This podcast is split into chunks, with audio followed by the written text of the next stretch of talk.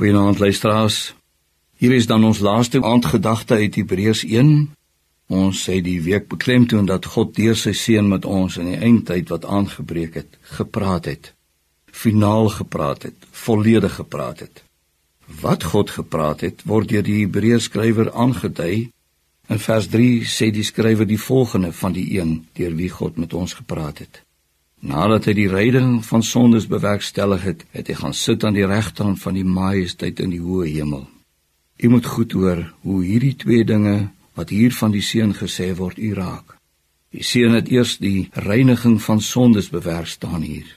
Die klem lê daarop dat hy dit self en volledig gedoen het. Iets wat natuurlik in die res van die Hebreërbrief vir ons nader beskryf word. Anders as in die ou bedeling het die seun homself geoffer. Die offeraar, anders as in die ou bedeling, was ook self die offer en hierdie offer het volledige reiniging bewerk. Dit is die offer wat ten volle deur God aanvaar is. Niks hoef en niks mag bygevoeg word nie. Is dit wat God met die koms van sy seun vir u sê? Die reiniging van jou sondes is volledig bewerk. So mag, so moet jy oor jouself dink. Volledig met God versoen, want die seun het gekom en ook vir my reiniging van my sondes bewerk. Maar die skrywer volg hierdie stelling op met 'n volgende stelling. Nadat hy die ryding van sondes bewerkstellig het, het hy gaan sit aan die regterhand van die Majesteit in die hoë hemel.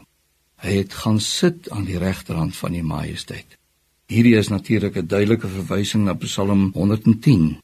Dit verwys na die magsposisie wat die seun van God ontvang het nadat hy homself geoffer het en uit die dood opgestaan het en opgevaar het na die hemel. As gelowige het ek nie net sekerheid dat die Seun my volkome gereinig het nie. Ek het ook die sekerheid dat hy my verlosser 'n ereposisie by die Vader het. Sy reinigingswerk as offeraar is afgehandel. Hy sit nou aan die regterhand van die Vader. Hy regeer nou as koning. Dink daaroor gelowige. Een wat homself vir jou geoffer het, wat volledig die reiniging van jou sondes bewerk het. Dit is hy wat van die Vader 'n ereposisie ontvang het. Lewe onder sy liefdevolle regering.